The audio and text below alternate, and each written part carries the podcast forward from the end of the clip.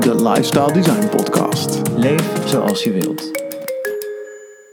Ja, we zijn alweer aanbeland, aangekomen bij de vijfde en laatste aflevering van dit seizoen. Uh, wat is het snel gegaan? Het gaat natuurlijk ook extra snel als je steeds kortere seizoenen maakt. We zijn van 35 naar 10 naar 5 afleveringen gegaan. Wat blijft er in het volgende seizoen nog over? Eén lange aflevering. Eén super lange aflevering, een 24 uur marathon. Als je dat ziet zitten, laat het ons zeker weten. Dan uh, kunnen we je vriendelijk bedanken daarvoor en het niet doen. Um, maar uh, nee, misschien ook wel trouwens. Maar ja, wat was Ja, het weer? Een uh, leuk idee eigenlijk. ja, dat is nu zo. Ja, Ja. En dan met allemaal mensen erbij. die dan allemaal inbellen Ja. Of erbij komen zitten, live. in ons glazen huis. En dan doen we het voor een goed doel. Nee, nee, nee, nee, Oh, dat- nee, nee, nee, nee. We doen het alleen voor onszelf. Alleen voor alles wat we doen, doen we voor onszelf. Ja, want eigenlijk daarover ge- gesproken dingen voor onszelf doen, is natuurlijk wel eigenlijk hoe deze podcast ook is ontstaan. eh, vanuit onze passie voor, Voor eh, onszelf. ja, voor onszelf en over ons leven anders in te richten. Dat we daar altijd over hadden. En dat we op een eh, blauwe maandag bedachten, laten we daar microfoons bij zetten en er een podcast van maken. En dan moet je kijken waar we zijn beland. 50 afleveringen verder. Eh, en zoveel eh, leuke afleveringen mogen maken. En dit seizoen vond ik ook echt weer super leuk om te mogen maken. Ehm, voor mij met name door twee facetten die we hebben veranderd. Eén, dat we de luisteraars eigenlijk een grotere rol hebben gegeven. Dus die Ja. konden vragen indienen en eigenlijk met ons meedenken en praten daarmee. Eh, en het tweede was dat eh, eh, wij ook eigenlijk meer samen zijn gaan optrekken eh, en het hele maakproces iets uitgebreid hebben. Hè, waar dat we eh, voor eh, de beeldvorming in eerdere seizoenen ehm, vooral eigenlijk alleen even samenkwamen om het interview met onze gast te doen en dan nog even wat editen. En dat deden we ook dan vaak vanuit huis eh, apart van elkaar. Hadden we nu echt ervoor gekozen om gewoon een hele dag uit te trekken voor het maken van één aflevering. Eh, en die dagen die bestonden ook echt gewoon standaard uit eerst gewoon even lekker bijkletsen. eh, en dan een goede lange wandeling maken waarin we het onderwerp voor de eerste keer verkenden. Eh, en dan bespraken we daarna ook onze research. En pas na de lunch dat we uitgebreid hadden gegeten, gingen we echt pas opnemen. En zo ontstonden dan deze afleveringen waar je nu dus ook naar luistert. En ik moet zeggen, Tim. Ik vond het ook echt een hele fijne manier, omdat het ook eh, onze vriendschap eh, versterkt. Omdat er dus ook ruimte was, behalve werk, voor ook gewoon elkaar nog weer beter leren kennen. Zeker, ja. Zeker. En ik denk dat het daardoor ehm, vanaf het begin ook een beetje de Tim en Ruben show is geworden. Ja. Misschien meer dan we ook hadden bedacht. We hadden misschien iets meer bedacht, oké, we gaan dingen onderzoeken. En, eh, en uiteindelijk zijn we gewoon terechtgekomen bij wat we eigenlijk het allerleukste vinden... is samenkomen en interessante gesprekken voeren over onze gezamenlijke passie voor het vormgeven van, van je ideale leven. En dat is het eigenlijk ook in de loop van de seizoenen steeds meer geworden. Gewoon Ja. naar die kern is het meer getrokken. Eh, lekker kletsen. En ja, dat vond ik inderdaad ook leuk aan dit seizoen. Ehm, dat we ehm, eigenlijk al, ja, zodra we elkaar zien, raken we aan de praat over allerlei onderwerpen. Dan gaan we heel lang wandelen en lunchen. En dan is het, als we de microfoon aanzetten, bijna. ehm, eh, als, als- dan ben je al bijna uitgekletst, zeg maar. Zo Ja. lang heb je dan al eh, gepraat met elkaar. Ehm, ja, dat, eh, dat, dat was heel leuk. Ook om de voorbereiding zo samen te doen. Ja, Dat, Ja. eh, dat, eh, dat werkte goed, inderdaad. ja en, en ik zou zeggen, ehm, wandelen, lekker eten, goede gesprekken. Nou, dat zijn voor mij allemaal facetten die ook in een goede vriendschap eh, thuis horen. Dus ja, we dachten, wat is er leuker dan die laatste aflevering van dit seizoen eh, over vriendschap te laten gaan? Inderdaad, inderdaad. Over dat wandelen trouwens, misschien kunnen we ons volgend seizoen wandelend opnemen. Oeh, dat zou wel heel tof zijn. Ja. Robin heeft van die eh, losse mics die, Ja. eh, waarmee je vrij kunt bewegen. Dat, dat is Ja. heerlijk. Ja. Ja. ik hoorde, ik, eh, eigenlijk alweer een jaar geleden luisterde ik ook een podcast van iemand die dat ook steeds deed. Ging met mensen wandelen. Hij heeft Janneke ook geïnterviewd, die wij eh, Oh, in mhm. eh, een van onze seizoenen ook, eh, Eén. eh, ja, in, in, in seizoen 1 ook hadden. Eh, dat gaf ook wel leuke dynamiek, dus eh, zeker het proberen waard inderdaad. Ja, inderdaad. Nou, maar dan moet, je, dan moet je eventjes, als je dit luistert, weten dat we ook ondertussen allemaal hebben geïnvesteerd in materialen en dergelijke. Nou, dat kunnen we dan eventjes allemaal weer weggooien en dan moeten we Ja. materiaal. Ja, ja. Of dus, Robin, dus eh, gooi maar weg. Ja, nee, nog Deel maar. Ja. Vriendschap dus. Ehm, ja, laten we dat eens wat bewuster gaan eh, benaderen dan, eh, dan, dan dat meestal wordt gedaan. Want dat vind ik het interessante, denk ik, aan het onderwerp. Dat, nou, net als, een, net, net als verhuizen naar het buitenland, net als emigreren, dat het een onderwerp is ehm, waarvan een onderwerp waarbinnen minder bewuste keuzes worden gemaakt dan binnen veel andere onderwerpen. Ehm, het is min of meer iets vaststaands of je, eh, je, je sleutelt daar niet heel bewust aan. En hierbij geldt zelfs dat denk dat veel mensen het ook zien als iets wat je min of meer overkomt. Hmm. Je komt mensen tegen, of mensen komen op je pad en er ontstaan vriendschappen. Ehm, en dat verwatert soms. Terwijl je kunt er ook bewuster mee omgaan. En ik ken ook wel mensen die dat doen. Maar die vallen voor mij op omdat ik het idee heb dat de meeste mensen dat niet heel bewust doen. Of daar niet heel sturend, sturend in zijn. Dus ik vind het wel leuk om het, om het, eh, om het een keer wat bewuster te benaderen. Nice, Vanuit, helemaal ja. vanuit onze lifestyle design filosofie. Precies. Ja. ja, we willen je vooral ook eh, aan het denken zetten met deze aflevering door eh, een aantal vragen die wij hebben bedacht, maar ook vragen van luisteraars, van andere luisteraars.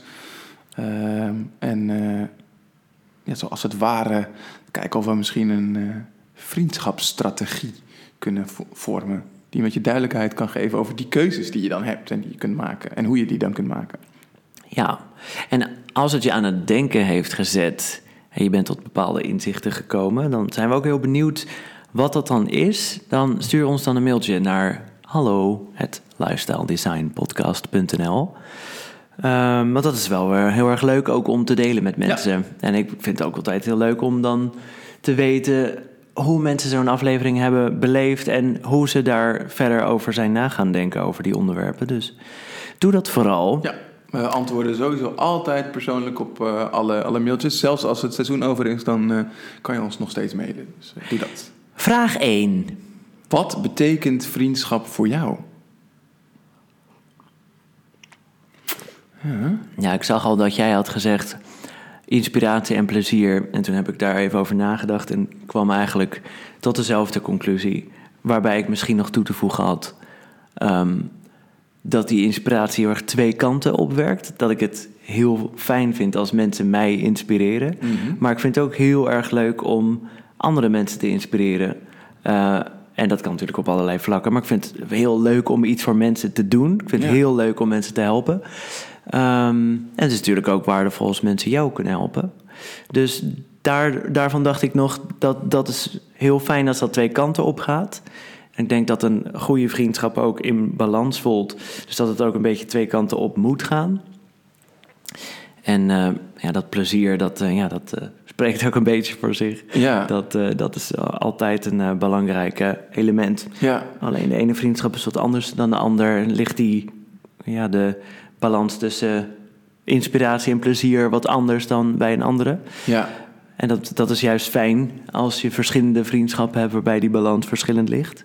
Maar eh, Ja, en dan zou ik nog aan, aan toe willen voegen, voor, eh, in, in mijn geval, dat plezier niet alleen maar is eh, dat, je, dat je leuke, gekke dingen met elkaar doet en dat je met elkaar aan het lachen bent. Ik haal ook heel veel plezier uit, inderdaad, wat wij bijvoorbeeld ook doen, goede gesprekken voeren en mijn, mijn denken eh, een beetje door elkaar schudden. Daar kan ik gewoon oprecht plezier van on- ondervinden. Dus, ja, dus dat hoeft niet altijd lachen, gieren, brullen te zijn om plezierig te zijn. zeker. Ja, inderdaad. En samen dingen maken, dat doen wij natuurlijk Ja. ook. Is ook een belangrijk plezieronderdeel, vind ik. Of samen koken vind ik Mm. ook echt plezier hebben samen.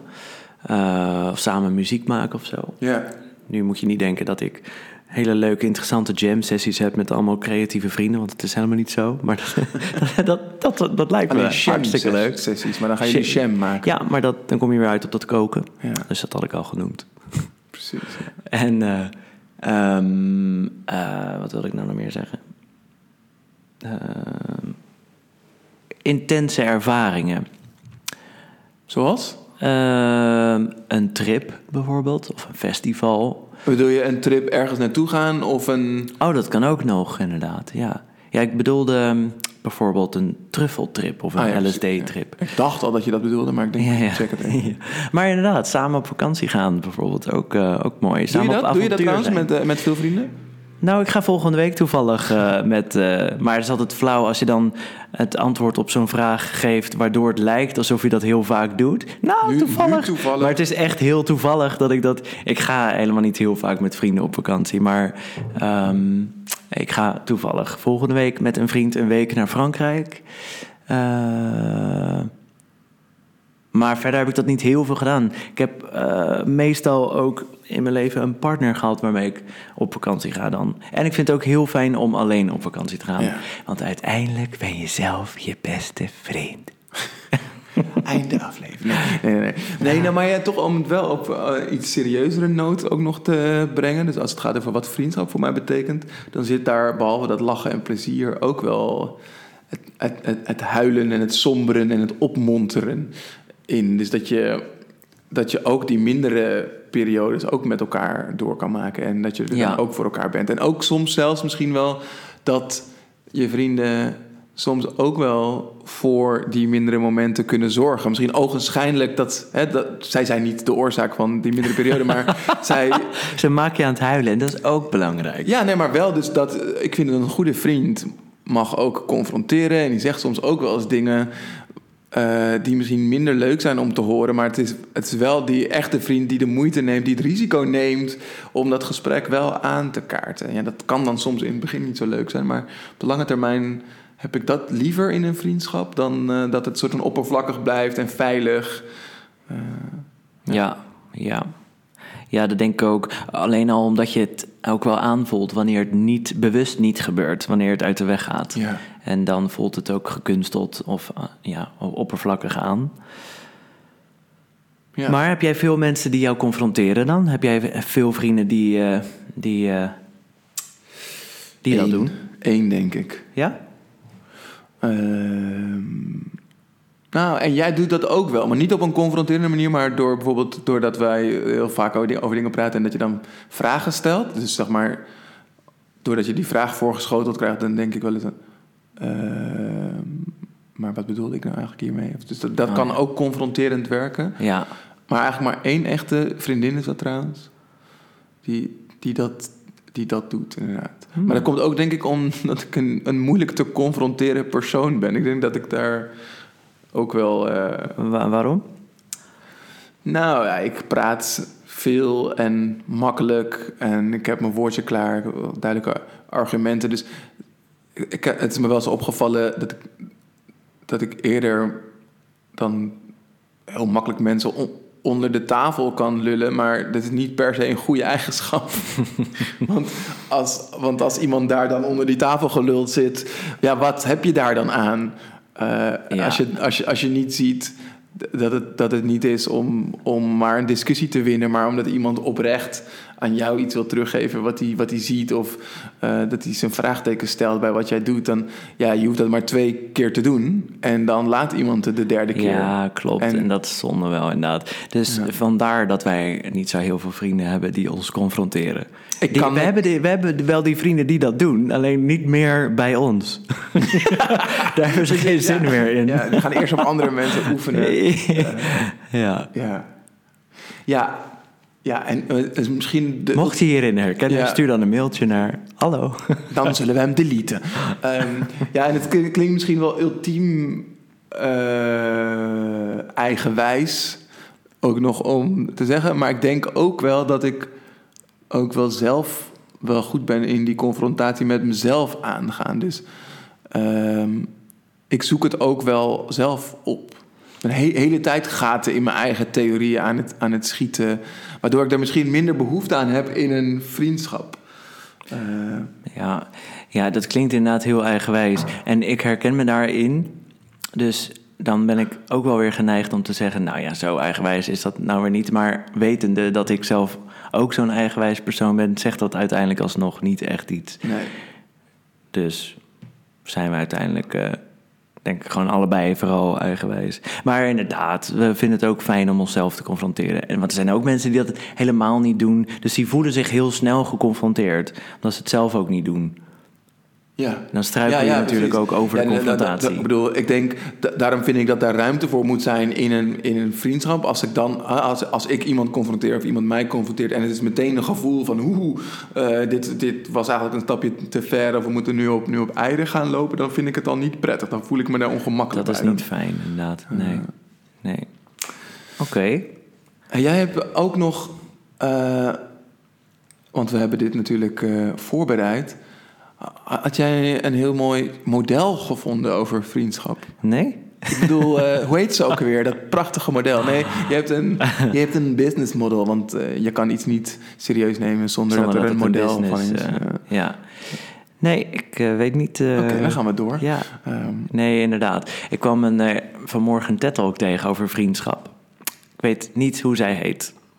Ehm, maar dat is ook helemaal niet belangrijk. Wat, waar het om gaat, zij zei... Eigenlijk elke relatie in je leven, of dat nou met je partner... of met een eh, vriend of een sekspartner... of met wie dan ook is... bestaat uit... of is, is er of er zijn eigenlijk drie voorwaarden om een relatie eh, te kunnen bouwen met iemand. Ehm, en je moet het als een driehoek zien. Ehm, de onderste, dus de liggende balk van die driehoek, is positiviteit. Dat is de basis waarop je begint te bouwen. Ehm, want er moet gewoon iets leuk zijn in het begin. Het moet fijn en plezierig zijn, het eerste contact. Dus die balk, en daar kan je dan op, op door. En dan heb je de twee schuine balken die de driehoek maken. Eén is ehm, consistency. En Selma Frans heeft in een eerdere aflevering al daar veel over verteld. Over er moet gelegenheid zijn. En dit is een soort verfijning daarvan. Het is handig als dat een consistente gelegenheid is. Zeker in het begin heb je veel gelegenheden, een consistente gelegenheid nodig om die vriendschap verder op te bouwen. Om die tweede schuine balk erop te zetten. En dan is de derde balk is vulnerability. Dus dat je je kwetsbaar opstelt. En dat is gebaseerd op het principe ehm, om je veilig te voelen moet je iemand kunnen vertrouwen. Om iemand te kunnen vertrouwen moet je iemand kennen. En om iemand te kennen moet je ook weten wat iemand zijn kwetsbaarheden zijn. Ehm, en daarmee kun je die derde balk opbouwen. En dan is de driehoek vol. En dan kun je, als, je, als alle drie stevig staan en, je, en er verstrijkt tijd, dan kom je bovenaan die ehm, driehoek en dan heb je een hele goede vriendschap. En zij vertelde dat in het kader van de loneliness pandemic, waar veel mensen het over hebben, over eenzaamheid. Ehm, en zij zei, en dat vond ik wel confronterend en dat vond de zaal ook. Want zij zei ook heel veel mensen in deze zaal voelen zich vaak eenzaam. Alleen al statistisch gezien klopte dat ook gewoon.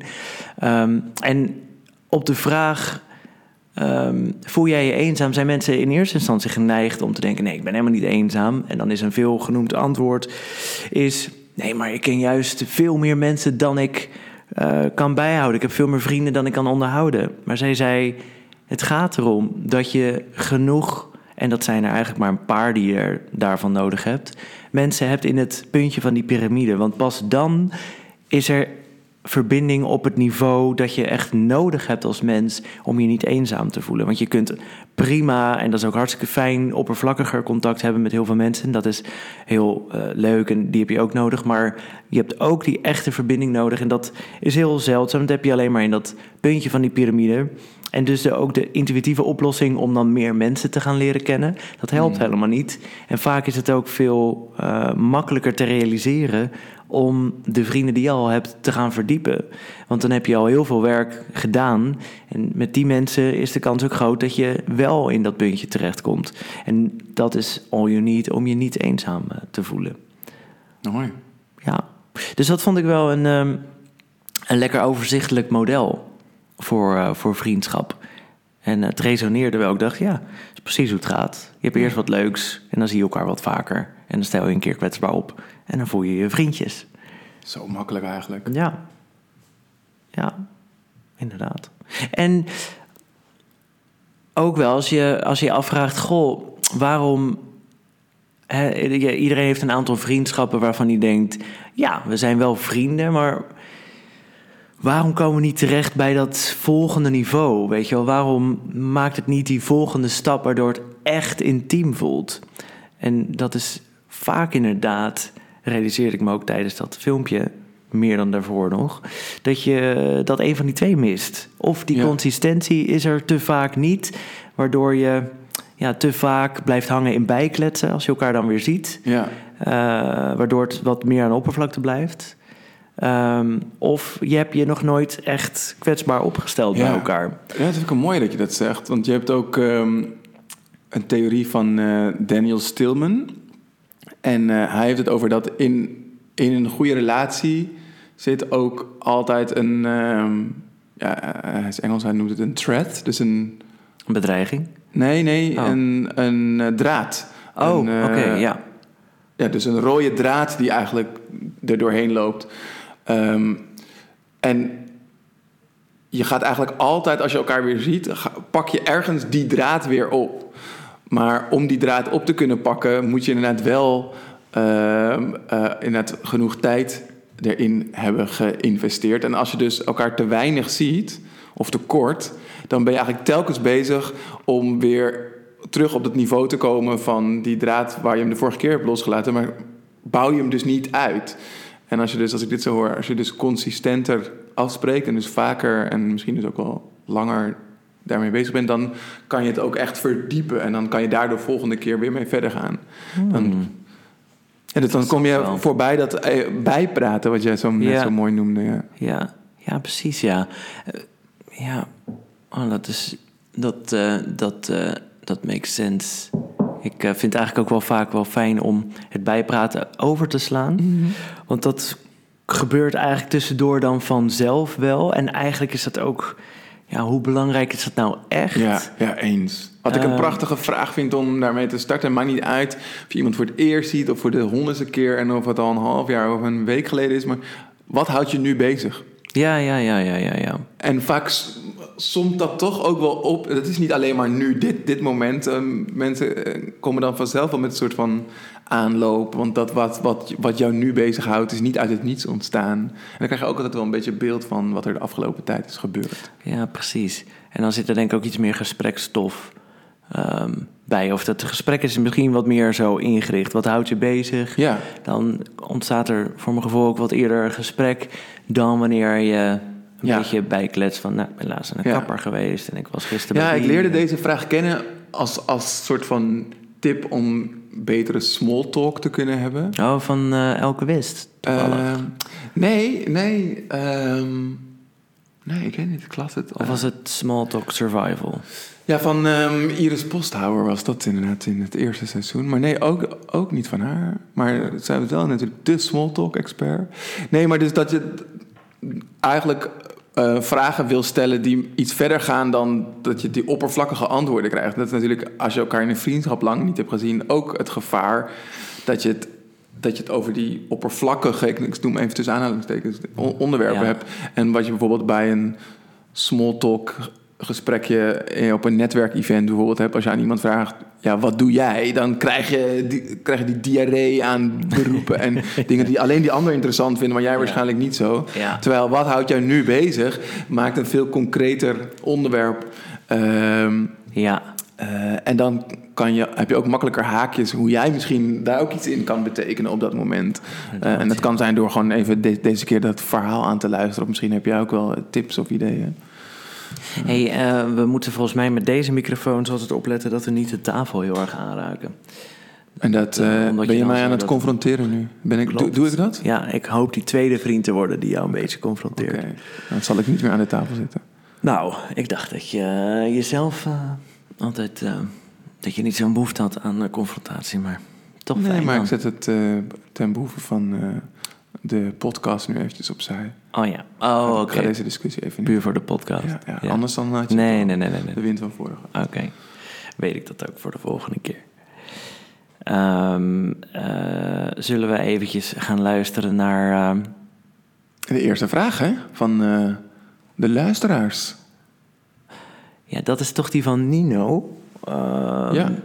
Op welke manieren hebben jouw vrienden jouw leven op een positieve manier veranderd? Op welke manieren hebben je vriendschappen jouw leven op een positieve manier veranderd? Ja. Wat een grootse vraag ja, ik moet ook, ben ook even stil van. dit. Ja. Ik ga even alleen maar zijn. Doe jij dat? Ehm, ja, het eerste wat in me opkwam was van die vriendin waar ik net over had, eh, Charlotte. Die, eh, maar ik denk dat ze nog op de middelbare school zaten, die mij aansprak over. Ik had destijds een relatie met een meisje. En eh, zij, zij vond dat ik daarin veranderd was. En, en hoe ik met haar, dus met Charlotte, omging. Eh, en, en dat ze het eigenlijk niet zo leuk vond. En dat ze het ook het idee had dat, dat, dat dit niet per se heel goed voor mij was. En dat vond ik eigenlijk zo knap dat ze dat, dat, ze dat deed op dat moment. Want het is zeg maar de, de klassieke verhouding zeg maar, tussen twee vrienden en dan krijgt de ene een relatie en dan is, blijkt die relatie een gevaar te vormen voor de initiële vriendschap. Dus het is eigenlijk best wel een kwetsbaar en moeilijk onder, onderwerp, maar dat, maar dat deed zij wel. Dat vond ik, dat vond ik zo knap. Dat, dat heb ik echt nog altijd onthouden. Ehm, eh, en in, eh, inhoudelijk gezien heeft het zeg maar zo'n impact gemaakt dat ik ook over na ben gaan denken van oké, maar wat voor persoon wil ik dan zijn? Eh, en, eh, en, en hoe ga ik met mijn vrienden om? Zijn ze zomaar inwisselbaar? Als er iemand anders langskomt die leuker is of waar ik een andere relatie mee heb. Dus dat heeft, dat heeft me wel veel invloed gehad. Later bij, bij nog een ander vriend- vriendinnetje was zij ook de, de, degene die, die tegen mij zei van... jullie zijn toch niet eh, bezig om, om aan ehm, eh, kinderen te be- beginnen? en daar waren we ook gelukkig nog helemaal niet mee, mee bezig. Ik zei, nee, hoezo? Nou, want ik, ik, ik weet niet of dat zo'n goed idee is. nou, zeg maar, en wat dan- was haar reden? nou, dat. Ja, dit is een beetje awkward misschien. Om te, ik ga ervan uit dat die ex niet luistert naar mijn podcast. Maar, en het, nee, het ging, er, het ging er meer over. Dit moet ik misschien eruit knippen. Ehm, Ja, ben jij nou dat meisje? Stuur dan Ja. een mailtje naar what the fuck at Lifestyle Design Ja. Podcast. wat, wat, wat maak je me nou?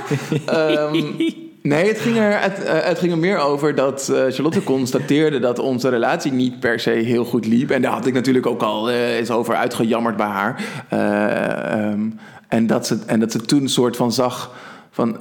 hé, hey, je komt een beetje in die fase van kinderen wel of, wel of niet. Dat ze meer een Ja. soort van bindend studieadvies wou afgeven. Van Ja, ja, doe ja. het niet, want weet je nog wat je in de afgelopen tijd allemaal hebt gezegd? Een beetje een sturende vraag. Ja. Je bent toch zeker niet van plan om met haar aan Ja. kinderen te beginnen, toch? Ja. Vraagteken.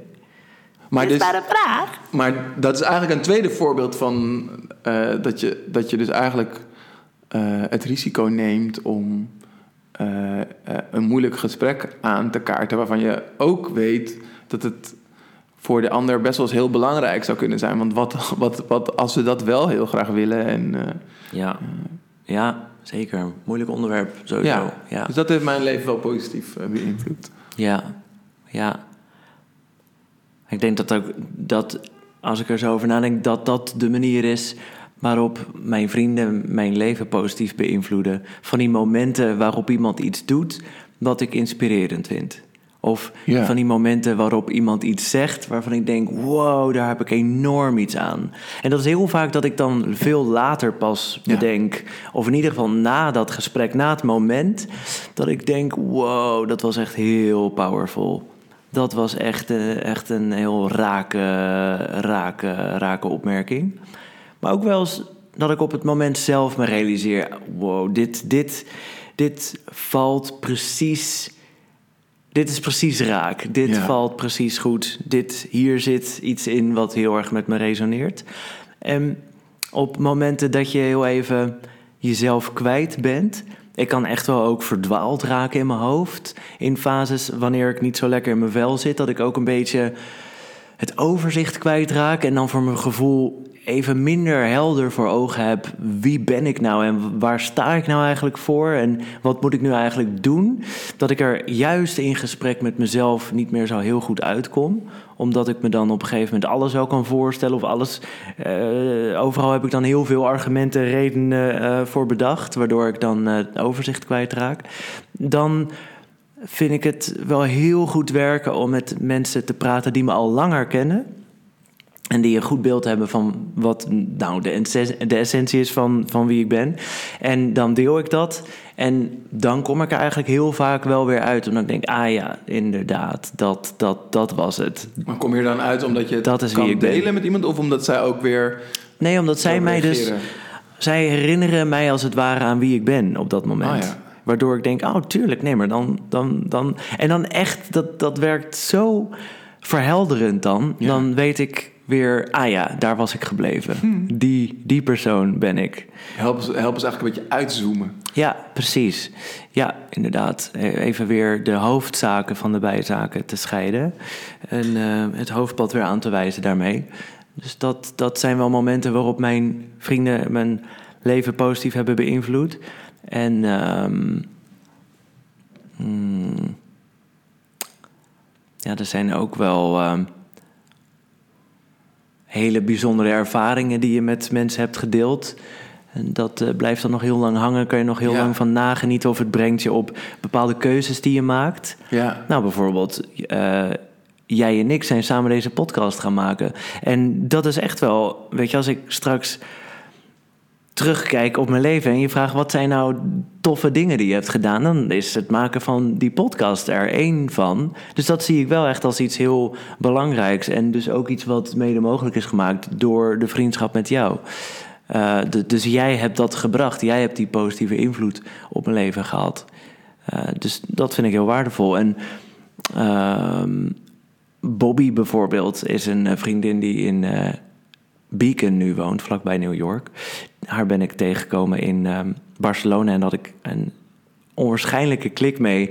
En toen ben ik naar New York gegaan en eh, daar heb ik echt een hele memorabele tijd gehad. Eh, ja, dat, eh, en heel erg als gevolg van hoe zij mm, dat daar ook heel erg gefaciliteerd heeft. Met hoe ze me daar mee heeft genomen in alles wat ze daar doet. En dat is heel, heel leuk. Dat zijn mooie momenten. En klinkt, als, klinkt alsof er ook een verwevenheid zit met inderdaad momenten. ja, Dus dat je mooie momenten hebt meegemaakt met mensen. eh, ja, En dat, dat het moment ook afstraalt. Dus ook op die mensen. Het moment werd ook gemaakt door de mensen, mede door Ja. ja, Mooi. ja, precies. En soms als iemand heel inspirerend is, als iemand iets doet waarvan je denkt, wauw, dat, eh, dat, dat wil ik ook. Of, Ja. ik, of ik snap nu hoe iets wat ik heel graag wil, kan. Ehm, dat, eh, dat, dat zijn ook belangrijke momenten. Dat is ook positieve invloed. Ja. Ja, mooi. Ik zou de vraag nu ook heel graag aan Nino willen stellen. Nou, doe maar. Dat ga ik dan doen, inderdaad. Nino. En jij? Heb jij nog... eh, Nog meer van dat of, soort... of misschien van die momenten dat je... Nou ja, ik, eh, em, em, momenten, eh, maar meer nog fases in mijn leven. Ik heb eh, van mijn vijftiende tot mijn 25ste in Drenthe gewoond. Overijssel moet ik eigenlijk dat. Dat is op de grens van Drenthe en Overijssel, het kleine plaatsje Balkbrug. Waar Ah, ik ja. in het zomerkamp heb begeleid en themafeesten. Maar vooral die zomerkampen, dat, die hebben zo'n indruk op mij gemaakt. Ik kwam daar zelf als kind al vanaf mijn zevende of achtste of zo. Dus daar heb ik zoveel mooie momenten meegemaakt. Dat die, die mensen met wie ik dat heb meegemaakt, hebben altijd een warm hart, een warm plekje in mijn hart. Een bijzondere plek, denk ik. Dat, dat, dat zal ook nooit veranderen. En, eh, vorig jaar hadden we een keer een reunie, nog vlak voordat corona uit, uitbrak. Dus dat is eigenlijk al bijna twee jaar geleden. Eh, en dan zag ik dus mensen die ik over een periode van twintig jaar uit mijn leven allemaal op losse momenten heb gezien. Sommigen zelfs maar één of twee weken, maar dan toch is het die, eh, die, eh, die fase of die plek die je dan bindt. Eh, dus dan is, was daar gewoon ook gelijk weer geweldig en dat je weer helemaal terug in dat, in dat moment. Dus ik zal niet per se zeggen dat het allemaal vrienden zijn, maar het zijn wel mensen die dan een warme plek innemen. Ja. Ja, dat vind ik wel heel mooi. Vind ik ook meteen een mooie brug naar, eh, naar een vraag van Roy. Over vriendschappen die verwateren. Want ik Hmm. dacht, ehm, sommige vriendschappen hoeven ook niet voor altijd te blijven. Zijn veel meer opgehangen aan een moment of aan een fase. En dan is het ook gewoon helemaal prima als dat dan daarna weer voorbij is. Je gaat door het leven, maakt van alles mee. Je gaat zelf door allerlei veranderingen heen ehm, in allerlei verschillende fasen. En natuurlijk sluiten daar op verschillende momenten en in verschillende fasen hele verschillende mensen op aan. En is het gewoon ook een heel natuurlijk proces dat je sociale kring zich eh, mee evolueert. Ehm, en Ja. dan, dan heb je inderdaad, dan kan je ook gewoon heel. Dan, dan is het een veel. Dan is een vriendschap niet verwaterd of, Nee. of verbroken. Maar dan is iemand op dat moment gewoon een heel fijn en belangrijk persoon in je leven geweest. En dan kan je daar veel makkelijker ook warm aan terugdenken. Ja. In plaats van, oh ja, dat is toen verbroken of dat is ongemakkelijk nu. Of nee, dat is dan gewoon, toen was dat heel mooi. En kan je daar dankbaar voor zijn dat dat er toen was. Ja, ja absoluut. Ik denk wel dat het iets is wat in, in mijn geval echt heeft moeten groeien. Door- doordat ik... ehm, ik zat daar intern, ik werkte daar gewoon het hele jaar door. Dus al die mensen die op zo'n kamp bijvoorbeeld kwamen... die gingen ook allemaal weer weg. Na een week of na twee Ja. weken. Eh, dus ik heb heel lang gedacht van mezelf... dat ik het moeilijk vond om afscheid te nemen. Hoor. Of dat ik dat, dat, ik, dat ik dat niet leuk vond. Terwijl ik heb juist veel meer echt pas de laatste jaren ingezien... en geleerd dat ik juist die vriendschap en die momenten extra kan waarderen... doordat ik weet dat het ook over kan gaan. Ja. Dus dat je ook alles eruit kan halen... eh, en dat het ook onderdeel van de schoonheid is. Dus in, in, in die zin, als ik ook naar vriendschap kijk... is het niet iets voor mij wat voor altijd is. Vroeger zou ik hebben gezegd... ja, vriendschap is onvoorwaardelijk. Maar dat zijn bijvoorbeeld uitspraken die ik nu niet meer doe... omdat ik dat eigenlijk niet meer geloof. Ja. Omdat ik er veel meer in geloof dat een vriendschap veel rijker is... als je gewoon helemaal kan genieten van dat moment... waarop je op dat moment bij elkaar bent... en dat je daar helemaal voor kiest en daarvoor gaat... Eh, en ja, eh, sowieso aan het eind van de dag ga je waarschijnlijk weer naar huis. Dus dan houdt dat moment in zijn klein op. Maar het mag ook ophouden in een grotere, grotere schaal. Dus als je elkaar dan eh, twee jaar niet meer spreekt, dan ook goed. Ja, ja dat, dat zie ik ook wel zo, ja. Ja, we hebben ook nog een andere vraag. Een tweede vraag. Behalve eh, wat eh, vriendschap voor jou betekent. Wat zoek jij in een vriendschap? Dus waar, waar ben je naar op zoek? We, wij hebben allebei al even genoemd, eh, is in- inderdaad inspiratie en plezier. Maar zijn er nog andere dingen die jij zoekt? Nou, eh, laten we inderdaad de vraag zo aan de luisteraar stellen. Wat zoek jij in een vriendschap? Ja. En ehm, sluiten de vrienden die je hebt daarop aan? Precies, dat is denk ik belangrijk. Ja. Als je eenmaal weet wat je wil, dan kan je ook eh, goed bekijken of dat klopt en aansluit Ja. bij je huidige situatie. Ja. Ik denk ook dat ik diversiteit zoek in mijn vriendenkring. Ah, ja, dus het gaat niet zozeer over individuele vriendschap, maar meer over het patroon van je vriendschappen. Ja, precies. Ehm, zo heb je in verschillende fases, verschillende samenstellingen van je vriendenkring. En heb ik in sommige fases van mijn leven gedacht: oh, nu, nu zou ik wel openstaan voor nieuwe vriendschappen. Als dat mensen zijn die dit en dit bieden. En in andere fases heb ik juist gedacht: nou, nu heb ik heel veel vrienden waarmee ik dit en dit deel. Maar zou het nog completer zijn als, ik, als er iemand op zou aansluiten die ook nog dit zou brengen.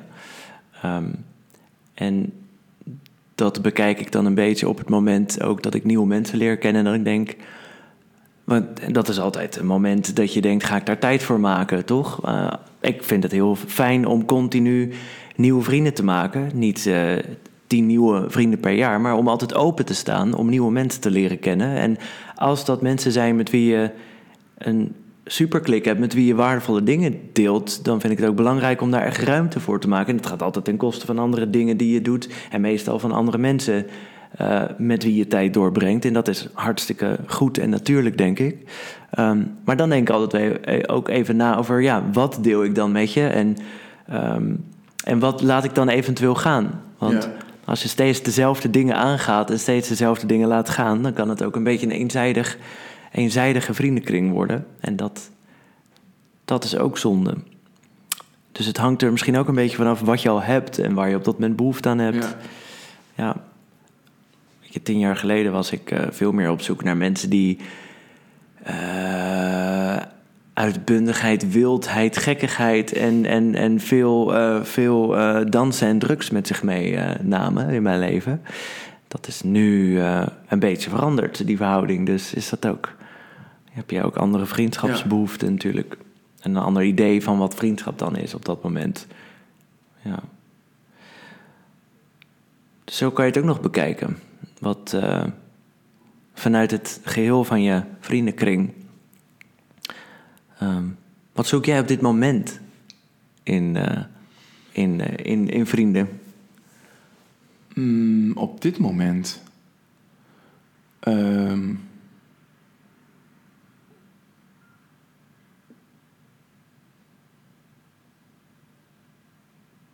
Of misschien kan ik de vraag specifieker en persoonlijker stellen. We hadden het vandaag over dat, je, uh, dat jij en Suzanne bezig zijn met misschien een boerderij kopen in Frankrijk. Waarmee een aantal dingen in je leven veranderen. Um, zou dat nog invloed hebben op wat je dan straks zoekt in nieuwe vrienden? Of juist wat je nu zoekt in vrienden die je dan eventueel hier nog sluit? Of in vriendschappen die je al hebt?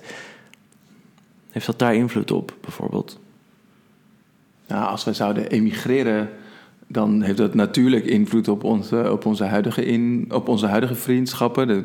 Daar, daar kan ik heel, heel naïef op roepen: nee, dat gaat niet veranderen. Maar, dat, maar natuurlijk gaat dat wel zo veranderen. Ja. Uh, nou, ik kan me wel voorstellen dat in, in het kader van ergens op een hele nieuwe plek uh, weer gaan settelen, is dat een belangrijke voorwaarde voor zo'n vriendschap is ook dat mensen zich openstellen en jou willen helpen om je wegwijs te maken. Dat ik kan me voorstellen dat we dat in het begin, dat dat wel iets zou zijn waar ik dan in een vriendschap in zoek.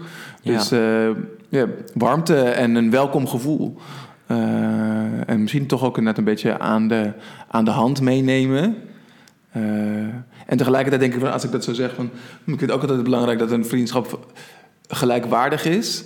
Dus dus op het, op het moment dat je dan eerst alleen maar vriendschap hebt, omdat die ander jou wegwijs maakt, dan, dan zou ik wel heel gauw zoeken naar van oké, wat kan ik brengen in deze vriendschap?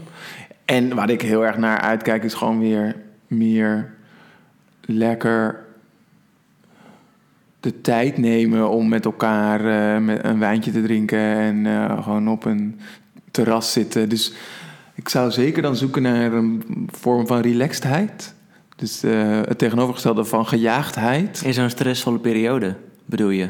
Ook, maar, maar, maar gewoon, gewoon... In het begin. Is dat gewoon überhaupt waar ik, waar ik nu naar op zoek ben? Ja, ja. Ik bedoel met, met, met straks meer als uh, de coronapandemie ah, uh, okay. over is... en we ook gewoon weer lekker overal af, af kunnen spreken... Dan, dan merk ik, daar heb ik wel behoefte aan. Ja. En ook gewoon makkelijk bij elkaar over de vloer komen, gewoon langs gaan, zonder dat het per se altijd op afspraak of op agenda moet. Terwijl ik zelf ook iemand ben die dat ontzettend fijn vindt om alles in, ja, ik zit jou aan te, kijken te plannen. Eh, doe jij dat soort dingen ook wel spontaan dan? Nou ja, de grap is dat ik, dat ik juist zoveel structureer, omdat ik ruimte wil houden voor dat soort spontane dingen. Wetende ja, ja. dat al het andere dan ook doorloopt of geregeld is. Ja. Maar ik vind het het allerleukst als ik nu bedenk... Van, goh, we gaan even een, uh, we gaan even een ritje maken naar uh, Friesland... om dan even door mijn telefoon te scrollen en te kijken van... Uh, wie ken ik allemaal in Friesland waar ik graag nog even mee wil bijkletsen... en dan een belletje kunnen doen van... goh, vind je het leuk als ik even langskom? Ja. Dat soort spontane uitbarstingen. Ja, dat vind ik het allerleukst. Maar ik heb dus ook nodig dat andere mensen dat ook bij mij durven doen. En ik weet dat dat soort van dat het soms ook een afschrikkende werking heeft als je mij een appje stuurt, eh, dat je dan eh, automatisch een berichtje terugkrijgt. eh, Dat ik op, alleen op die en die tijd weer op jou ga reageren. Dus ja, dus daarin zoek ik ook wel natuurlijk doortastendheid in, Ja, in, ja, in vriendschap. En wat ik eigenlijk, wat ik in, in, in elke vriendschap be- belangrijk vind, is toch aandacht. Dat is voor mij een terugkerend thema. Ehm, ik kan er bijvoorbeeld heel slecht tegen als ik dan met eh, zo'n vriend of vriendin heb afgesproken die ik al heel lang niet heb, ge- heb gezien, dat diegene dan bijvoorbeeld tijdens ons gesprek nog iets op zijn telefoon gaat doen. Ja, dat vind ik. Ja. Het is zoiets kleins, maar Nou. het kan bij mij echt zeg maar Ja. furie op, opwekken inwendig, want ik, ga- ik, ga, ik ga er, ik, ik weet dat het lang niet voor iedereen zo geldt, maar eh, ja. Ik weet nog wel dat wij eens een keer met mensen gingen eh, skiën. En dat we toen, dat vond ik echt wel fijn, dat we van tevoren... We gingen dus met een groepje vrienden gingen we skiën. En van tevoren spraken we af van... ehm, nou, überhaupt hadden we het erover van... Zijn er nog dingen die we met elkaar moeten doorspreken... voordat we met elkaar eh, straks een week in, in, in een huisje gaan zitten... en eh, op elkaars lip gaan zitten? Hmm. En toen een van de dingen die ik toen dus wel aankaartte van... Ik hoop dat we gewoon niet steeds overal onze telefoon bijpakken. Want ik vind echt... Ik vind skiën... Nou, ik denk dat ik het de leukste bezigheid ever vind. Mhm. Maar dan ben je dus de hele ochtend met elkaar aan, aan het skiën. En bent gewoon in een super tof moment met je, met je vrienden. En aan lachen. En soms ook moeilijk, want het is ook soms spannend. Want het is een moeilijk stuk. En dan kom je eindelijk bij die berghut met een prachtig uitzicht. En dan kom je binnen en nog dampend van het skiën. Maar in de, en, en dan trekt iedereen zijn jas uit. En dan het eerste wat iedereen doet is zijn telefoon gaan checken. Zeggen, nou, ik kan daar gewoon niet Ja, bij. dat snap en dat, ja. zou ik, dat zou ik echt niet willen. Dus, dus toen, toen hebben we een soort van afspraak gemaakt van... Oké, als we ergens zijn en het is super mooi, gaan we eerst gewoon eventjes landen. Dus als je een super mooi uitzicht ziet, dat uitzicht dat loopt niet weg. Dus je kan ook gewoon eerst 10 seconden naar kijken. En eh, dan kan je daarna je telefoon pakken als je nog steeds denkt van hé, hey, dit wil ik vastleggen. Dus eh, ja, aandacht en eh, minder aandacht voor telefoons. Ja. Ja, dat vind ik wel een dingetje. Ja, goede toevoeging wel inderdaad. Ja, en ook eh, sowieso fijn toch om als je afspreekt gewoon helemaal niet met je telefoon bezig te zijn. Ja, ja. Ja. heerlijk is Ja. dat. En over aandacht gesproken waardeer ik vrienden altijd wel extra als ze echt aandacht hebben voor eh, wat je vertelt en echt doorvragen ook. Mm, ja. En zonder. Eh, en dat, dat, ik ben me daar super bewust van sinds het lezen van dat boek van Elke Wis. Ehm, het Socrates Socrates, Socrates op op sneakers. Ehm, blijf echt bij het verhaal van de ander. En want ja, dat vind ik echt een van de mooiste dingen die iemand kan geven. Die aandacht. En echt bij die ander blijven. En niet, oh, dat heb ik ook een keer meegemaakt, want... En dan komt er weer iets van jezelf. Of, oh ja, dat herken ik wel. Ik denk namelijk dat, puntje, puntje. Ja. Eh, echt, echt bij die ander blijven. En dat, dat doet, dat, bijna iedereen doet dat heel vaak niet onbewust. En ik ook. Maar de momenten waarop je namelijk dat wel doet, dan voel je echt super gehoord. En dan, ja, dan heb je echt iets gedeeld met iemand. En dat, nou, dat zijn wel momenten waarop de vriendschap een verdieping krijgt, vind ik. Dat je echt aandacht hebt gekregen Ja. of gegeven. Ja, ehm, ja. Dus dat, dat zoek ik in vriendschap. Want dat, zijn, dat is ook de doel natuurlijk om... ik- Want ik heb ook wel het idee, hoe ouder je wordt... hoe meer je hebt meegemaakt en gezien en besproken en bedacht. Dus het wordt ook, vind ik wel steeds moeilijker... om ergens van onder de indruk te zijn. Of echt een heel goed gesprek te hebben. Want de, de lat komt steeds hoger te liggen of zo. Dus Want wat hebt- maakt nog dat je, dat, dat je on- onder de indruk bent van iemand of een situatie die gedeeld wordt?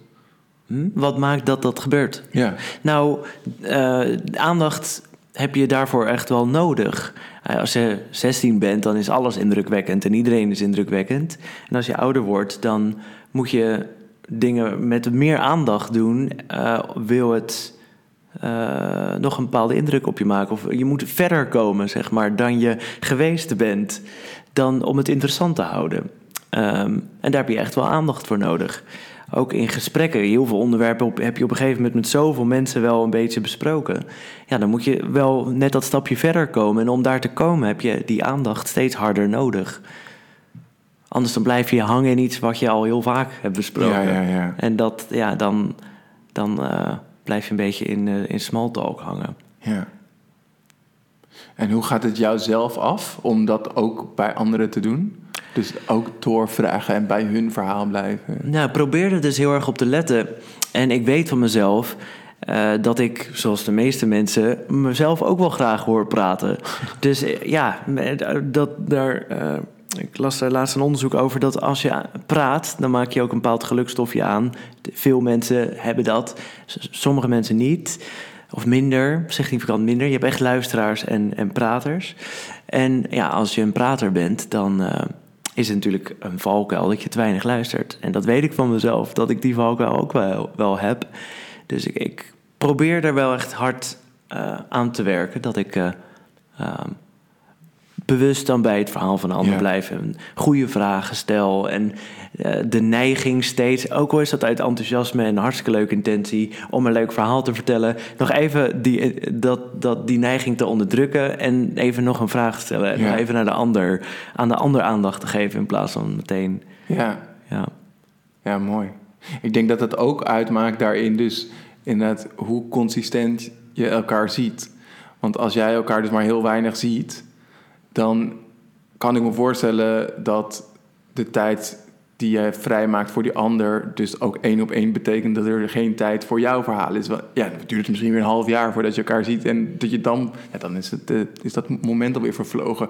Zoals je elkaar vaker ziet en je weet dat dat ehm, eh, dat het maar één van de vele momenten is, dan kan je misschien ook makkelijker eh, helemaal met aandacht bij die ander zijn, wetende dat de volgende keer ben jij in de beurt. ja precies. Ja, inderdaad, ja. Ja. Ja, klopt. Nee, want als je ergens bent geweest en het is alleen maar over die ander gegaan... en je denkt, nou, tot volgend jaar, dan ja... Dan eh, ben je twee jaar niet aan de beurt geweest. Ja, maar. precies. Ja. Nou, heb ik daar een jaar op gewacht. ja, precies.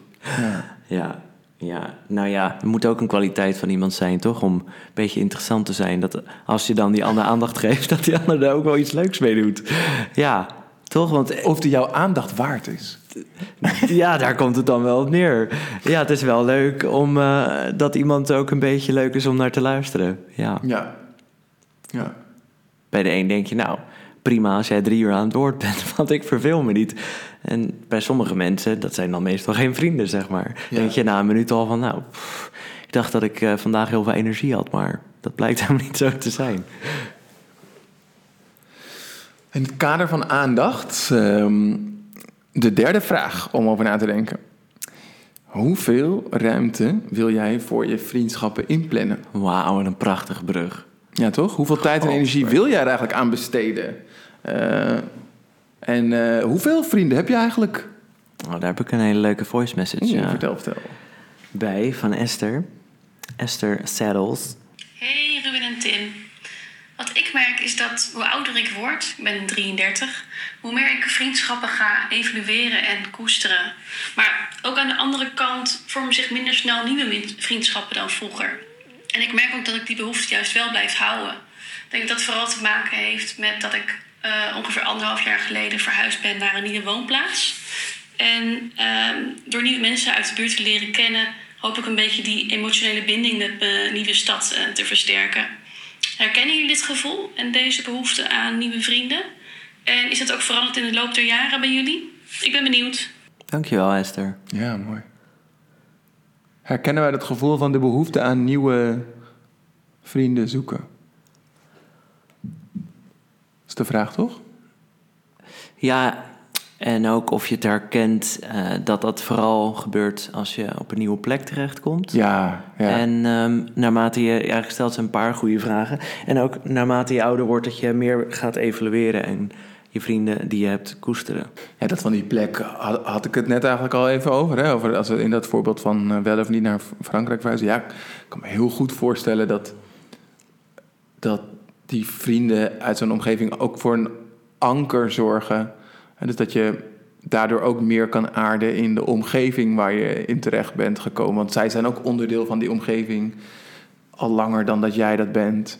Ehm, Ja, ja, toen ik naar Drenthe verhuisde, was een van de eerste dingen die ik deed dat ik op voetbal ging. Terwijl ik helemaal niet altijd daarvoor op voel had gezeten. Maar het was wel een fijne manier om nieuwe mensen uit de omgeving te leren kennen. Ja. Ja, ja dat vond ik wel super fijn. En eh, toen ik in Leiden eh, ging, ging wonen en daar een tijdje ook zoekende was naar daar nieuwe vriendschappen, ben ik ook op een sport gegaan. Ging ik, ging ik rugbyen. Dus ik, dat, dat, dat, dat herken ik wel inderdaad. Dat je, dus ik denk dat je vooral door daar nieuwe vriendschappen aan te gaan, ook meer een soort van beeld kan krijgen van de omgeving waar je dan in terechtkomt. Eh want dat zijn onderdelen van die omgeving. Mensen die jou dus ook inzicht kunnen geven in wat er wordt gedaan en wat oké is en wat niet oké is om te doen daar in de, in de buurt. En qua, en qua leeftijd, herken je dat? Ehm, ja, wel dat je meer evalueert en dat de mensen die, eh, die, eh, die, die goed door die evaluatie heen komen, dat je die meer koestert, dat je je vrienden meer koestert, zeker. Ja. Mm, want je, ja, je bent natuurlijk ook steeds meer mensen tegengekomen, dus je weet ook hoe bijzonder de mensen zijn die je kent en hoe fijn. En ehm, hoe lang het duurt om daar te komen, of eh, hoe bijzonder de klik moet zijn om er te komen. Of, ja, dus dat herken ik zeker inderdaad. En tegelijkertijd herken ik ook dat je de behoefte om nieuwe mensen te leren kennen, nieuwe vrienden te maken, dat je dat houdt. Gewoon omdat je zelf verandert als mens. En eh, dat het gewoon hartstikke leuk is ook om te doen. Het is ook heel leuk om nieuwe mensen te leren kennen. Ja. Het geeft nieuwe energie. Ja. ehm, Ja, ik weet, dat, dat, dat, dat laatste her- herken ik niet zo. Ik ben altijd wel heel makkelijk geweest in nieuwe, nieuwe connecties leggen. En ja, ik, ik weet niet of ik het dan meteen ook vriendschappen zou, zou noemen. Daar hebben we in het vorige seizoen ook een aflevering over gemaakt. mhm. Maar ehm, ik merk ook dat ik juist wel een beetje verzadigd ben of zo. En dat ik met steeds minder genoeg... Nee, nee, nee, niet dat ik met minder genoegen neem. Dat lijkt net alsof ik minder hoge eisen stel. maar dat ik gewoon... Ik ben wel oké met hoe het nu is ingericht. Dus ik, ik, ik heb niet zo behoefte om nog weer nieuwe vrienden te hebben. Want dat betekent dus ook, net wat ik van hun verlang... dat ze tijd, aandacht, energie voor mij hebben... dat ik het ook voor hun moet brengen... Dus liever niet zelfs. Nee, inderdaad, ja. Misschien Ja. dat, dat dat wel even nu een conclusie is. Dus wat zou je dan doen als je nu iemand leert kennen waarvan je denkt... Goh, dat is toch wel een heel interessant persoon. Of we hebben wel echt een hele leuke klik. Ben je, ben je dan inderdaad dus geneigd om, eh, om dat dan een beetje uit de weg te gaan? Om te kunnen behouden wat je hebt? Nou, ik denk niet dat ik het dan uit de weg ga. Maar ik denk wel dat in, inmiddels het gros van mijn relaties is, is opgebouwd vanuit ook mijn professionele identiteit. Dus vanuit mijn werk. Dus dat wij onze vriendschap hebben kunnen opbouwen is ook vanuit een werkgerelateerde setting gekomen. We gingen eerst samenwerken en toen bedachten we gaan samen een podcast maken. Dus de gelegenheid werd gecreëerd doordat we ook samen iets maken of iets tot stand brengen. Eh, in ons geval is het dan toevallig iets wat niet een winstoogmerk heeft, maar dat heeft het in mijn vakgebied natuurlijk wel vaak. Dus ik werk dus wel bijvoorbeeld graag samen met mensen die ik leuk en interessant vind. Omdat ik dan ook ergens weet, behalve dat we aan een tof product werken, aan een mooi eindresultaat, werken we ook aan de relatie. Eh, en dan, dan is het een win-win voor mij. Dus dan leer ik en iemand beter kennen en, en we maken iets moois. En je hoeft er geen ruimte voor te maken. Nou, ik maak er wel ruimte voor, maar dus het, Ja, het is... Het maar is- niet in je privéleven. Nee, precies. Want in mijn privéleven eh, heb ik twee kinderen en een vriendin. En nou, ik vind het al moeilijk genoeg om daar genoeg aandacht aan te geven. Dat is mijn grote struggle.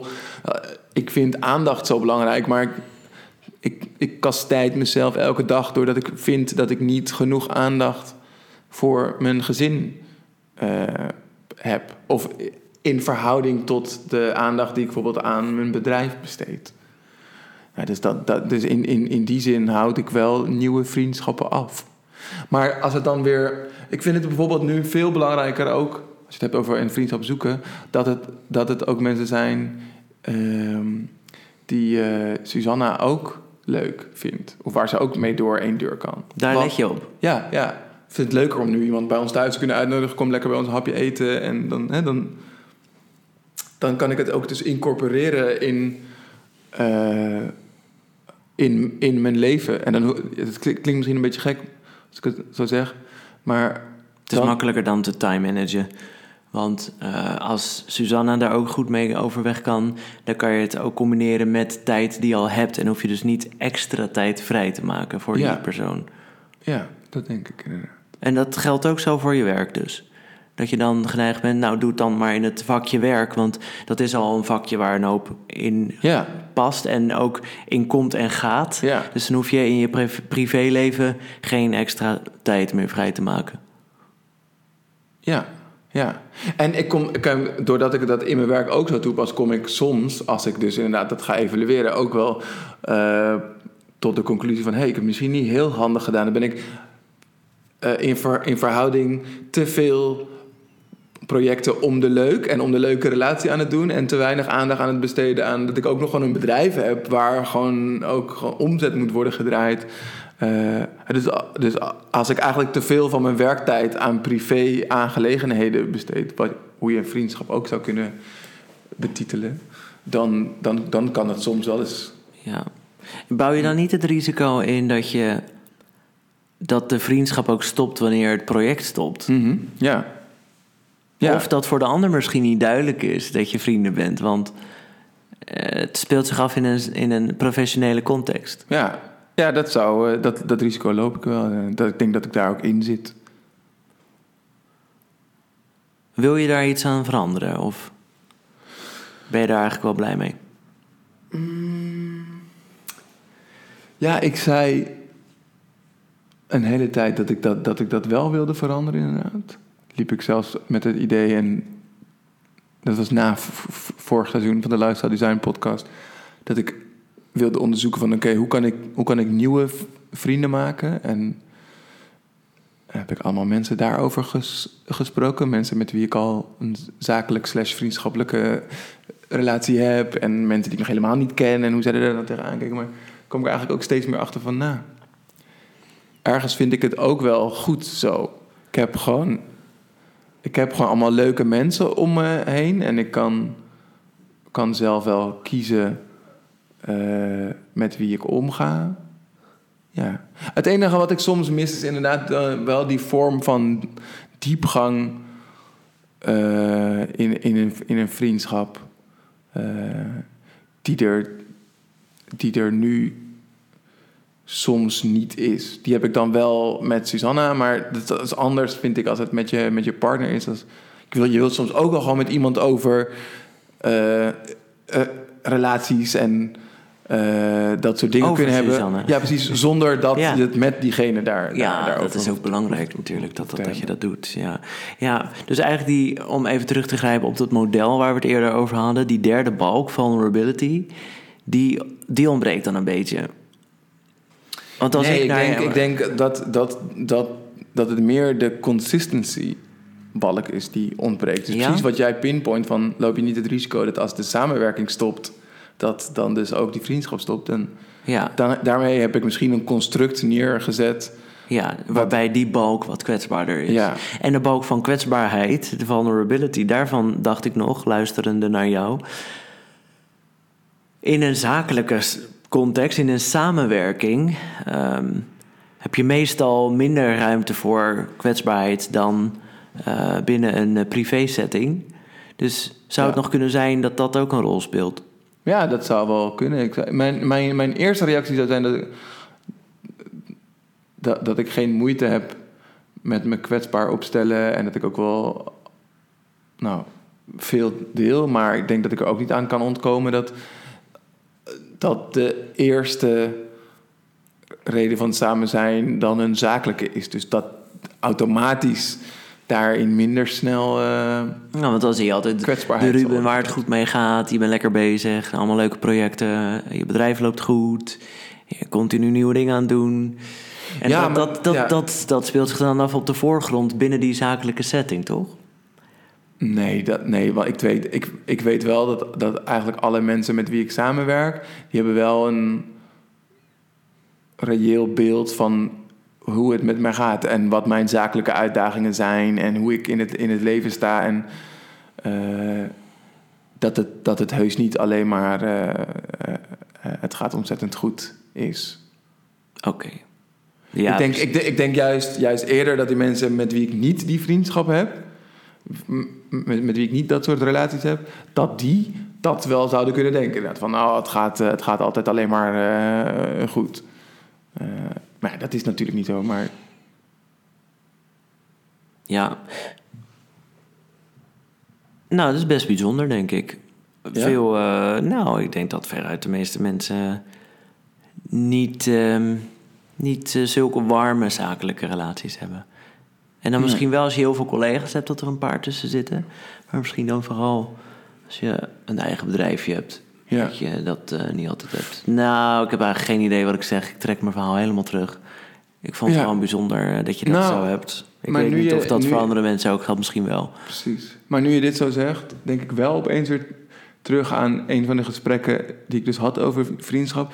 En toen iemand noemde van dat mijn vorm van kwetsbaarheid tonen ook juist afstand kan creëren. Dat het ook afschrikkend kan werken. Dit heb ik selectief uit mijn geheugen gewist, realiseer ik me nu. Ehm, want dat ging, het kwam eigenlijk op neer dat hij van... Ja, maar als jij, met, als jij dus al in een zakelijke relatie... al zeg maar zo snel je zo kwetsbaar opstelt... dan kan het, kan het dus ook afschrikken...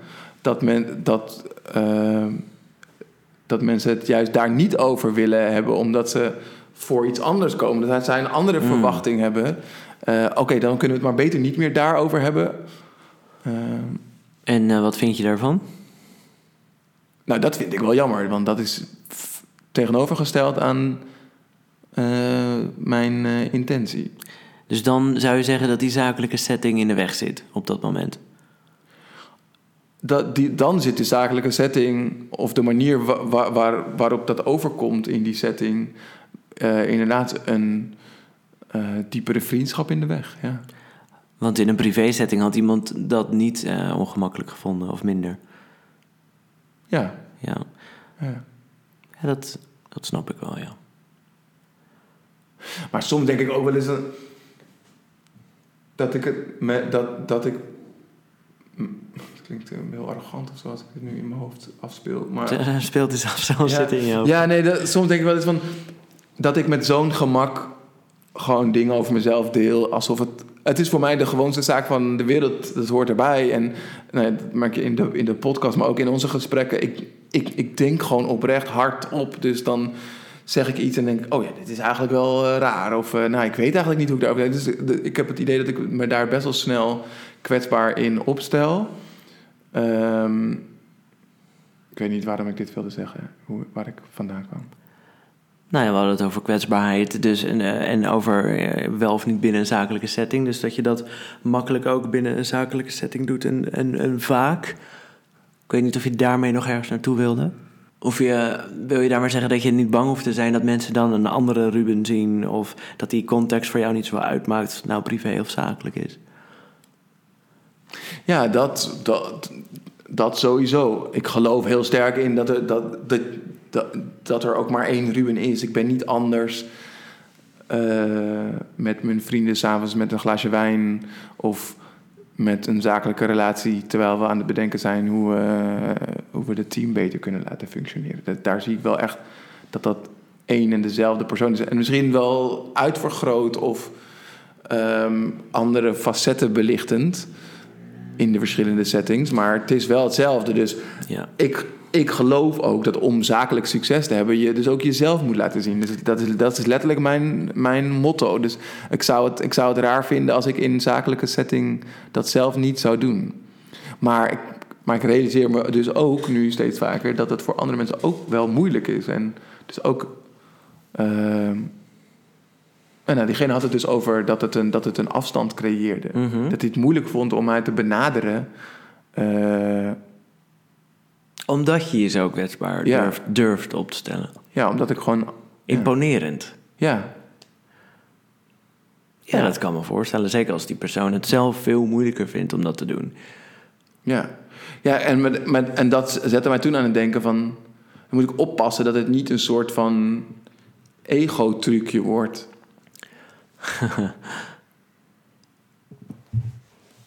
maar goed, we zijn nu... eh, ja, want ik kan, ik het- kan me ook al voorstellen als iemand... Er zijn heel veel mensen die heilig geloven in zakelijk privé, strikt gescheiden Ja, ja, houden. vast, ja. En je hebt allerlei verschillende petten, rollen. En als je op je werk eh, bent, draag je een overhemd en eh, zet je een bepaalde stem op. En als je thuis komt, doe je je t-shirtje aan en dan ben je een heel ander persoon. Er zijn heel veel mensen die veel meer zo leven. En dan kan me voorstellen dat je daar helemaal geen zin in hebt. In iemand die zich op de, zaak, eh, op de werkvloer zo kwetsbaar opstelt. ja, ja. Want dan denk je ook, ja, nou, wat, wat, wat ben jij dan voor persoon dat jij dat hier doet? Ik ben hier om te werken. Dan, is dat, dan kan dat irritant zijn. Ja, Dan kan dat het zaken doen in de weg zitten en eh, het werk. precies, ja. We zijn eigenlijk al automatisch naar de, naar de laatste vraag over gegaan. eh, namelijk, hoe ziet je vriendschapsleven er op dit moment uit? Heel mooi.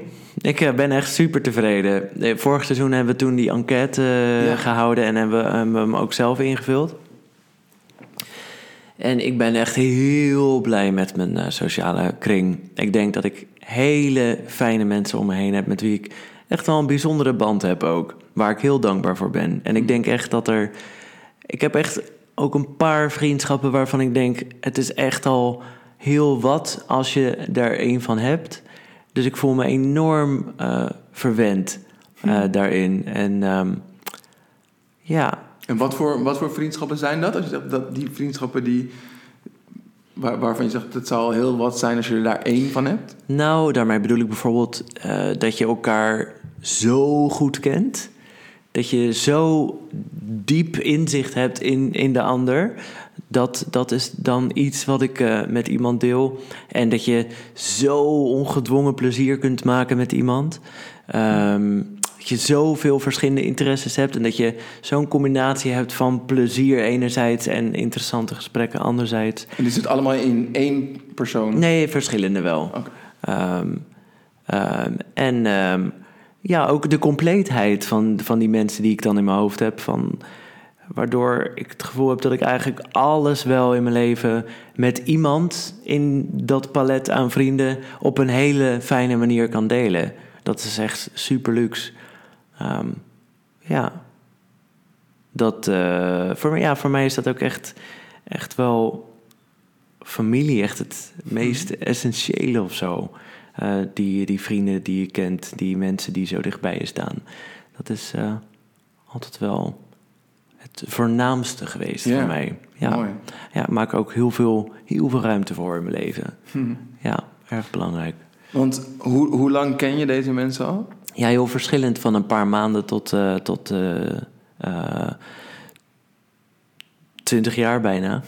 Ehm, maar ik denk dat dat laatste waar ik het over had, dat het zo compleet is, ook wel het gevolg is van dat ik ook wel een aantal vrienden heb die ik nog helemaal niet zo heel lang ken. Dus één jaar of drie jaar. Of, ja, Eh, dat, dat maakt dat ook nieuwe dingen die je tegenkomt, dat je die ook heel erg kan delen Ja. met iemand.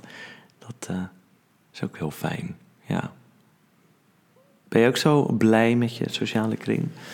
Ehm, ik vind het een moeilijke vraag. Ehm, omdat ik telkens er ook op uitkom van...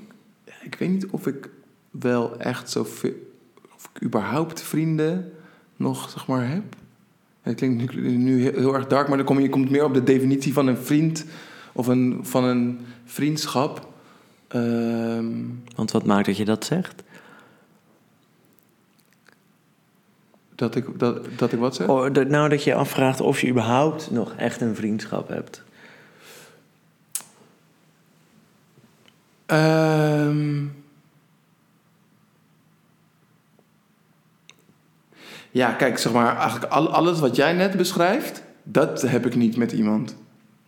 Ehm, ik heb wel heel veel mensen om me heen met wie ik leuk en goede gesprekken kan hebben. eh, en dus met wie ik fijn samen kan werken. En ik heb natuurlijk mijn partner, die, die, die mijn allergrootste vriend is, vriendin. Ehm,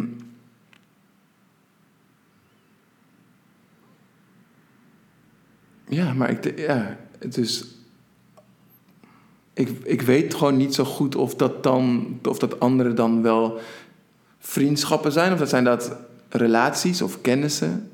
Eh, daar, daar, daar ging mijn hele twijfel na vorig seizoen ook over. Van, eh, ben ik nou op zoek naar een nieuwe vriendschap? Of... Maar het klinkt dan. En misschien bedoel je het anders. Op, op, voor mij klinkt het dan heel onrubiaans. Want het lijkt dan alsof je een soort definitie van vriendschap buiten jezelf uh, neemt. En dan volgens die definitie tot de conclusie komt: dan weet ik niet of ik vrienden heb. Het lijkt dan niet vanuit jou te komen, want. Snap je wat ik bedoel? Mm. Jij vraagt je af of dat wel een vriendschap is. Vraag jij jezelf dat als persoon af of jij dat zo voelt? Of, want het lijkt dan een beetje zo alsof er een definitie is van vriendschap die buiten jezelf ligt, die je dan uh, als uitgangspunt neemt, waar op basis je van Ja. Ik weet, niet, ik, ik weet niet of die definitie buiten mijzelf ligt. Misschien, misschien, vind ik, misschien vind ik het te pijnlijk om toe te geven dat, dat dat wel mijn eigen definitie is. En dat ik volgens die definitie dan dus geen vrienden heb. Of die ene vriendin eh, die, ik, die ik dan heb, die ik dan eigenlijk helemaal niet zo vaak zie. En dan vraag je je af, zie ik haar wel vaak genoeg om... Nee, ik weet wel dat ik, dat ik haar niet vaak genoeg zie. Ja, ja, ja. Vaak genoeg om het een vriendschap te noemen, of... Nee, om vaak genoeg om erin te investeren en het nog weer verder te doen groeien. Oh ja. Dus het is nu meer een soort van onderhouden. eh, dus, ja. Maar ik weet dus, ook- ik, ik, ik weet dus ook niet of ik, of, of ik het erg vind. Dat, Mhm. Nu klinkt het misschien een beetje, een beetje sneu. Ehm, maar ja, dat, dat is waar ik, waar ik naar zoek. Van oké, is het nou... Ergens vind ik... eh, een soort van kluizenaarsbestaan soms, soms bijna ook wel aantrekkelijk klinken. Ehm, en ik heb mijn hele leven altijd al veel gewerkt en dan zeg maar in dat werk mensen leren kennen en daar hele leuke momenten mee. Maar dan ging ik, daarna kon ik gewoon het werk afsluiten en dan ging ik lekker naar mijn eigen vier, binnen mijn eigen vier muren en daar ging ik gewoon mijn eigen dingetje doen. Dus dat, ja. Ja, ik vind het ook... eh, Er zit ook een interessante tegenstelling of zo in jou. Ja, Omdat ja. je een, eh, aan de ene kant een enorme Einzelganger bent... en heel erg op jezelf vertrouwt... en je eigen doelen stelt en je eigen pad eh, uitzet. Ehm, en daarbij denk ik een veel minder aan en afhankelijk bent dan heel veel andere mensen. En tegelijkertijd, alles wat jij doet is heel erg gericht op samen. Ja. De co, co-creators, creators company. Ehm, samenwerken met andere mensen. ehm, ehm, ja, en eh, ook alles wat je inhoudelijk doet is heel erg in groepen met Ja, mensen. ja. Eh, Dus ja, Ja, klopt. Ja, die, die, die tegenstelling zie ik zelf ook inderdaad. Dat, en weet ik soms ook niet wat ik, wat ik daarvan vind. Dus ik denk dat ik, dat ik heel veel energie haal uit... eh, toch wel, als we dan de vraag van, van Esther terughalen... van die, die nieuwe vriendschappen aangaan... en eigenlijk snel tot op een bepaald level komen... wat misschien verder is dan wat je gewend bent... Ehm, maar dat ik dus blijkbaar niet die next step zet om dan met een paar mensen nog verder of dieper te gaan. Ja, sterker nog, je hebt tegelijkertijd het idee dat je verzadigd bent. Ja, En dat er dus geen ruimte is nog voor extra mensen. En tegelijkertijd vraag je ook af of eh, die verzadiging, of zelfs in die verzadiging, echt vriendschap zit volgens je eigen ja, definitie. ja. Eh, we hebben nog een paar voice messages. Ik kwam laatst een interessante stelling tegen. Vriendschap bestaat niet zonder gedeelde interesse. Als ik kijk naar de verwaterde vriendschappen in mijn leven, dan denk ik dat er wel een punt van waarheid in zit. Hoe kijken jullie hier tegenaan En wat zou je mogelijk kunnen doen om deze vriendschappen wel in je leven te houden? Of is het allemaal een verloren zaak? Dat is een verloren zaak. nou, ik ehm, denk weer even aan die driehoek. Aan eh, positiviteit, consistentie en kwetsbaarheid. En die gedeelde interesses helpen natuurlijk heel erg om die basis te houden van positieve momenten. Ehm, want ja, zonder die gedeelde interesses wordt het moeilijk om ja, op elkaar aan te gaan, zeg maar. Om eh, momenten van plezier te hebben. Dat, dat, dat is toch wel makkelijker als je die gedeelde interesses hebt. Ehm, maar, en daar hadden we het eerder ook wel over. Jij zei daar iets heel moois over, namelijk. En dan eh, misschien een beetje aangevuld met wat ik daar nog over dacht. Is, soms lijkt het alsof je bepaalde interesses niet deelt, niet hebt. Maar je kunt ook met hele verschillende dingen bezig zijn. op een manier die je heel erg met elkaar deelt. Ja. Bijvoorbeeld, de een heeft kinderen en is daar heel erg mee bezig, en de ander heeft dat niet. Maar dan kan je het nog steeds heel erg hebben over opvoeding als onderwerp. En dan ogenschijnlijk zit daar een enorm verschil in. Want de een eh, is bezig met de opvoeding, de ander niet. Maar in opvoeding zitten allerlei elementen die je allebei misschien heel erg interessant vindt. Daar zit psychologie in. ehm, ehm, nou, dat is al een hartstikke goed voorbeeld. Eh, en zo geldt dat wel voor, voor meer dingen, denk ik.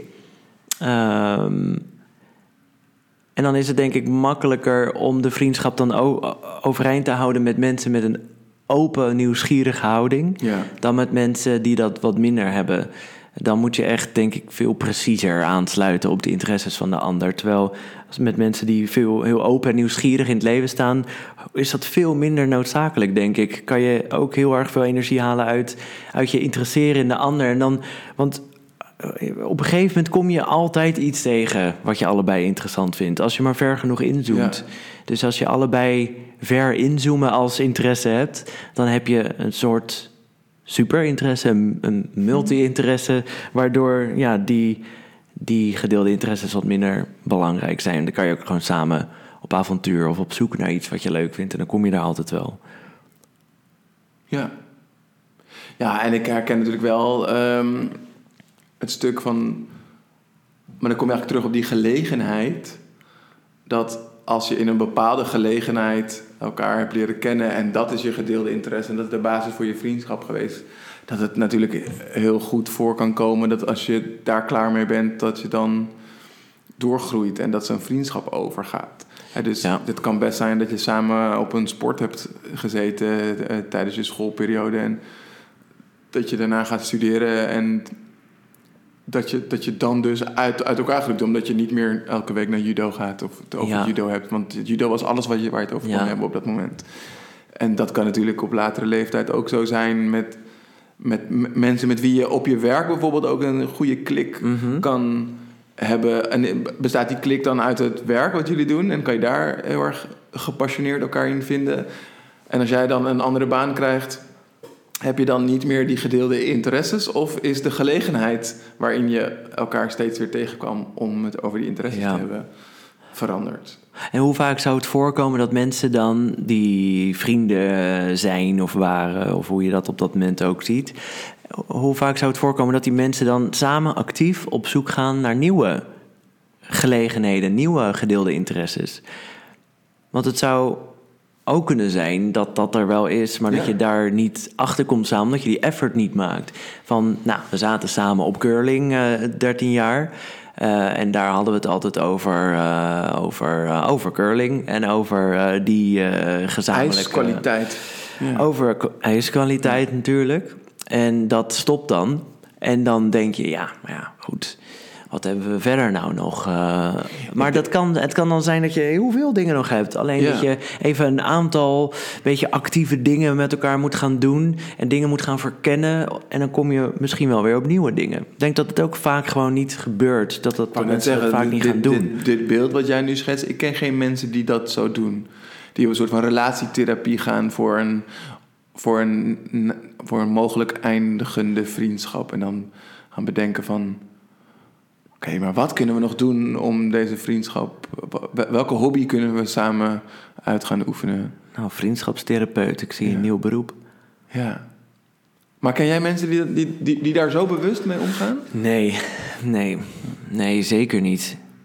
Maar daarom dacht ik net aan dat ja, als je een beetje in beweging blijft samen en je hebt een open houding en je, je, je bent actief in het, in het leven en je gaat een beetje met elkaar mee, dan kom je altijd wel weer dingetjes tegen die je dan samen leuk. Want er zijn zoveel dingen die je leuk vindt. Eh, Het bestaat bijna niet dat er dan niet overlap is. Maar dat moet je dan wel doen. En dan moet je vriendschap een beetje zo inrichten. Ja. Of het kan helemaal oké zijn dat je denkt, nou, eh, het, in deze fase waren we bevriend en nu is het ook gewoon En nu is eh, prima over, om verder te Ja. gaan. Ja. ja, dat kan. Ehm, maar dat heeft minder vaak, denk ik, met die gedeelde interesses te maken dan, eh, dan je denkt misschien. Dat denk ik ook, ja. Jongen, jongen zeg, eh, het, is, het, blijft een interessant onderwerp. Eh, en ik merk persoonlijk zelf weer dat ik zo aan het eind weer aan het denken word gezet over hoe ik tegen vriendschap aankijk. Ehm, en ook ermee word geconfronteerd dat ik daar toch minder bewuste keuzes in maak dan ik denk. Dus in al die andere facetten van mijn lifestyle design ben ik heel gefocust en bewust bezig. Maar hier, eh, je, je zei het net wel zo mooi, het is bijna onrubiaans. Dat ik daarin eh, misschien ook wel buiten mezelf leg. Maar dat, het is wel een- ik merk wel dat, dat, het me iets, dat het iets is wat me meer overkomt en daardoor ook meer bezighoudt. Dus eh, ik ga er hier nog eens even goed over nadenken. Nou, mooi. Eh, dan hebben we onze vijf afleveringen gemaakt. Ja, nu kan ik eh, gewoon eindelijk een half jaar eh, weer zonder jou. Ja, en dat is ook, ook goed. Ja, weer vijf afleveringen gehad. Eh, ik weet ook even niet wat ik er nog over, over moet, moet zeggen. Ik hoop in ieder geval dat als je hiernaar hebt geluisterd, dat je het leuk vond. En als je nog vragen of tips hebt, laat het ons zeker weten. Dan eh, kunnen we dat weer meenemen in eh, volgende afleveringen. Hallo at lifestyledesignpodcast.nl is het eh, mailadres. En ehm, ja, tot Plots. plots. Tot plots. Tot plots. tot plots. Dat klinkt een beetje als een soort Inuit-taal of iets wat ze in Noord-Zweden spreken. Oh ja. Tot plots. Tot plots. Tot plots. Ja, en anders eh, tot eh, de 24 uur marathon. Ja, oh, dat lijkt me wel leuk, maar niet in een glazen huis. Dat, eh, nee, dat gaan we niet doen. Tot een volgende wandeling. Top.